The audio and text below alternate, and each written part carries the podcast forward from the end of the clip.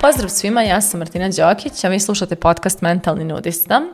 Nalazimo se u epizodi 19, sezone 3 i u ovoj epizodi govorit ću malo o ugroženoj posebnosti. Kroz mnogo epizoda Eh, ove naše emisije. Eh, ja sam provlačila te teme djetinjstva i nekih strategija koje mi razvijamo kao djeca, ali pošto mnogi ljudi slušaju epizode na preskok, pogotovo oni koji se priključe kasnije, pa prosto biraju sebi epizode koje im više odgovaraju, ja ću malo da ponovim neke stvari. Možda ih neko jel, prvi put čuje. A to je da smo mi prosto kao djeca svi imali određene potrebe a to je da budemo viđeni, shvaćeni, voljeni, prihvaćeni, sigurni i da prosto naši autoriteti, staratelji nisu uvijek znali da nam te potrebe zadovolje ili nisu to znali da nam pruže na način koji je nama jasan, pa smo mi ostajali uskraćeni za ta neka osjećanja i osjećaje koji su nam tada bili potrebni. I onda kada bismo mi bili u deficitu, za tim da se osjetimo viđeno ili voljeno ili shvaćeno ili prihvaćeno ili sigurno, mi smo nalazili neke načine kojima smo se dovijali da nekako dođemo do tog osjećaja. Pa tako je neko bio bolešljiv, jer bi u bolešljivosti dobijao svu, svu pažnju, brigu svoje porodice i osjećaj da je važan i ta bolešljivost je negdje ostala strategija funkcionisanja kroz život. Neko je bio pametnica koja sve može i sve zna i, i ono jako je e, neko ko je sposoban jer tada su ga svi veličali i govorili mu da vrijedi, da je, da je super, da je fenomenalan i onda je taj neko zadržao tu pametna, pametnjakovićku ili kako da kažem, tu pametnicu u sebi kao neki metod da ponovo osjeti te, te da zadovolji te potrebe kada, mu je, kada, kada, je, kada su u deficitu. Um, Neko je, ne znam, to, bio glavni heroj porodice, neko je bio najveći, eh, neko, neko je bio glavni baksuz porodice, jer onda kada je u muci, kada mu ništa ne ide i kada ništa ne funkcioniše, tada bi se nekako svi skupili oko njega, pa se brinuli za njega, pa mu davali tu neku pažnju i onda je taj neko negdje zadržao tu, taj maler u sebi ili, ili taj baksuzluk, da ga iskoristi kada mu treba E, nekog osjećaja. E, tako da suma sumarom ima sad još mnogo tih nekih metoda i načina koje smo mi koristili u životu, ali osnova je da smo svi mi sebi iskreirali taj neki ide, tu neku ideju svoje posebnosti koja često zapravo dolazi iz tog našeg mehanizma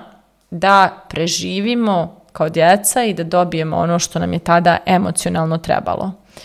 I onda smo mi tako izbildovali tu neku svoju posebnost i onda ne damo da je iko ugrozi ili a, ugrožavanje te posebnosti i odustajanje od nje možda zapravo predstavlja jedan sasvim novi početak u životu, jednu sasvim novu fazu koja je mnogo ljepša od svega što smo do sad imali. Naravno, pričat ću iz primjera, evo ličnog, a to je da sam ja, na primjer, kao veliku posebnost svog života – izgradila to što sam ja imala tako disfunkcionalnu porodicu i težak život i što mene svašta zadesilo. I ubio mi se deda za kog sam bila jako vezana. I tata mi je bio u ratu i ja sam odrasla u ratu u Bosni. I rodila sam se na Kosovu. I mama je moja imala e, mentalne izazove zbog kojih sam ja stradavala. I živjeli smo u siromaštvu pa sam živjela u podrumu. I znači nema šta mene tu nije snašlo i šta ja nisam prošla. Ali uglavnom ta težina mog života bila je moja posebnost i bila je nešto na osnovu čega sam ja bildala svoj osjećaj lične vrijednosti, jer kada ja tako napričam tu svoju muku nekome i dobijem neku empatiju i neko divljenje kao wow šta si ti sad postigla, vidi odakle si krenula, to je meni davalo taj neki osjećaj viđenosti, shvaćenosti, veličine, prosto to mi je davalo neki, neki, neku ideju da ja vrijedim. I dugo sam ja furala tu svoju posebnost koja, koja dolazi iz te muke, e, ali e, tek kada sam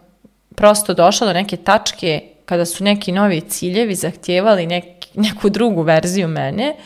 ja sam se jako teško odrekla te posebnosti. Prosto došao je trenutak kada e, je moj rast tražio od mene da prestanem da vjerujem u težinu života kao način da ja budem e, e, vrijedna i važna i kada su moji snovi postali toliko veliki, divni i posebni da su tražili da ja povjerujem u lakoću života i lakoću kao način da se uspije i da se, da se živi život jer da sam zadržala tu težinu ne bih mogla mnogo toga da postignem, prosto bilo bi preteško kretati se ka tim ciljevima uz vjeru da život mora da bude tako težak i komplikovan. I onda sam ja morala da odustanem od te svoje posebnosti koja dolazi iz mene, heroja koja sam sve to preživjela i vidi me sad kakav život živim. I sad naravno pričam ja vama u ovom podcastu stalno o nekim svojim problemima koje sam prošla u životu, ali to dolazi iz neke potpuno druge energije. Ja to ovdje ne pričam iz potrebe da meni neko ovdje govori bravo, kakav si ti heroj, šta si ti sve prošla. Ja to ovdje više koristim kao sredstvo da dam primjere i pokažem da znam o čemu pričam kada dajem ove neke perspektive. I to me sad prosto ono ne, nosim emociju te težine koju sam nekad nosila. Čak što više, to mi je uvijek ultra zabavno. Sada kada me neko upozna, uvjeren je da sam ja neka tatina i mamina princeza kojoj je sve u životu išlo lako i sve joj je servirano i ja zapravo uživam sada u toj verziji sebe koju vidim u očima drugih, jer kao wow, koliko sam ja daleko odmakla od te svoje posebnosti koju sam nekad izgradila. E pa tako imate ljude čija je posebnost u toj u tom težini života koju nosi i sve je tako komplikovano i teško i, i, zahtjevno za njih, ali eto, oni se bore, oni se trude, oni mogu, oni, oni daju sve od sebe i oni ne daju da im ukažete na to da život ne mora biti tako komplikovan i težak i da dosta te težine dolazi iz njihovih uvjerenja i njihove potrebe da imaju tu težinu da bi se osjećali važno, vrijedno i tako dalje. Eh, imate ljude koji imaju neke bolesti eh, koje su im kao malima davale osjećaj vrijednosti, to su često alergije. Eh, alergije često nastaju kao neki određeni mehanizam rješavanja određenih problema u, sklopu porodice. To možete da istražite. I recimo postoje ljudi koji dosta, kada imaju te alergije, dobijaju puno pažnje, dobijaju puno brige, taj, taj, to je period kada se osjećaju posebnima jer se njihova alergija probudila i imaju sekundarnu dobit te pažnje koja je sada na njima na novi način.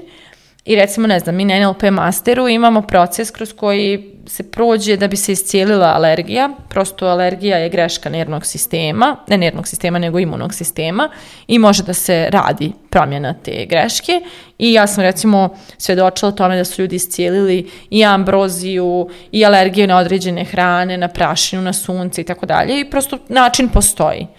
I onda vidite neko tako, puno puta sam se srela s tim da neko ima alergiju i vi mu kažete i postoji jedan proces koji možda te iscijeli i ta osoba to izignoriše i uopšte ni ne pita kakava, kako, je li to stvarno moguće, jel zaista ima način da se moja alergija iscijeli, oh my god, nisam to znala, znao, jao, daj mi tu rešenje, neću više da se mučim ovom alergijom, nego te osobe uglavnom onako promijene temu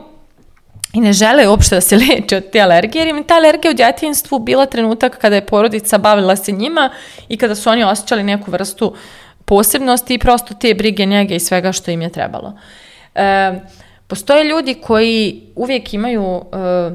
probleme u određenom polju, da li su to financije, da li je to ljubavno polje, da li je to polje posla, znači, ali imaju neku problematiku s kojom se tako uvijek pate i muče i uopšte kao, kao da e,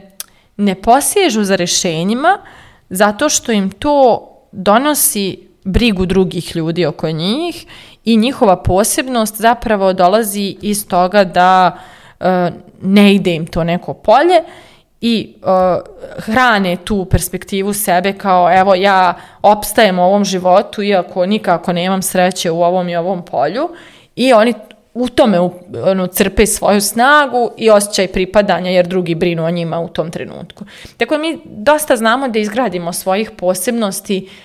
kroz neke nevolje. I prosto to nam je bio i mehanizam da se lakše nosimo sa tim nevoljama, ali je mnogo nezgodno kada te nevolje i te muke postanu naša posebnost i onda svaki put kada neko pokuša da nam pomogne da to nešto prevaziđemo ili nam ukaže da na to imamo, e, ima način da se iz toga izađe, mi osjetimo da je naša posebnost ugrožena i ne damo i nećemo. I ja sam evo imala jako puno ovaj, tih momenata kada, je, kada su mi ljudi pričali sa mnom i govorili, ali evo, ako, ako budeš malo meditirala, ako se posvetiš recimo meditaciji, moći ćeš da stekneš mir, da sagledavaš situaciju bolje, pa da iz toga zapravo donosiš bolje odluke, ti bude lakše, da ne moraš toliko da se mučiš. Naprimjer, sjećam se jednog razgovora sa jednim prijateljem koji je učitelj meditacije, a ja sam govorila, ne, ne, ne, znaš, ja ne mogu, ja nemam vremena, e, nemam ja kad da meditiram, nemam ja kad da sjednem. I on bi tako dao još par argumenata, ja bih dala na protiv argumente, da bi on odustao od razgovora sa mnom jer je vidio da ja rješenje ne želim. A ja rješenje nisam željela jer je on tim rješenjem ugrožavao moju posebnost mene mučenice koja uprko svim poteškoćama uspijevam da napravim nešto. Tako da Eto, e, isto, ono, kako možete da vidite da li vam neko ugrožava posebnost koju ste napravili na osnovu nevolja, jeste to da konstantno živite iste nevolje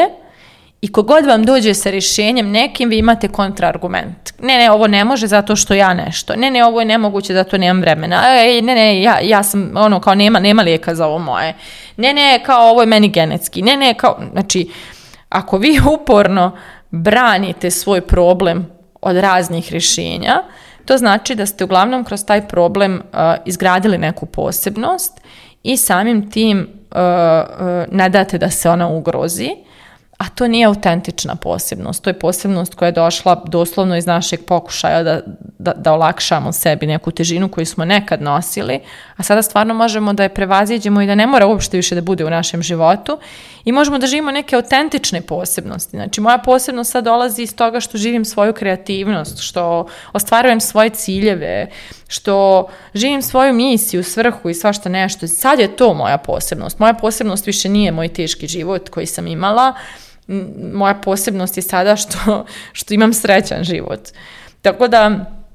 ovo je sad moja posebnost, živim svoje vrijednosti, to je sad ona prava posebnost. A ova koju sam nekad živjela nije mi dozvoljavala da dođem do svojih vrijednosti, jer e, kako ja da živim mir i lakoću ako ja hoću da budem mučenica i heroj. Jel? Tako da, ovaj, eto, jeli, e, postoje te posebnosti koje smo sebi stvorili, a postoje oni koji mogu zaista da nam budu prave i da nam donesu zaista dobar osjećaj ako ih živimo. Tako da moje pitanje za kraj ove epizode je da li branite svoju izmišljenu posebnost koja dolazi iz problema i ne date da vam je drugi ugroze ili ste spremni da je se odreknete i zakoračite u novu fazu života. Mislite o tome, a mi se družimo u narodnoj epizodi.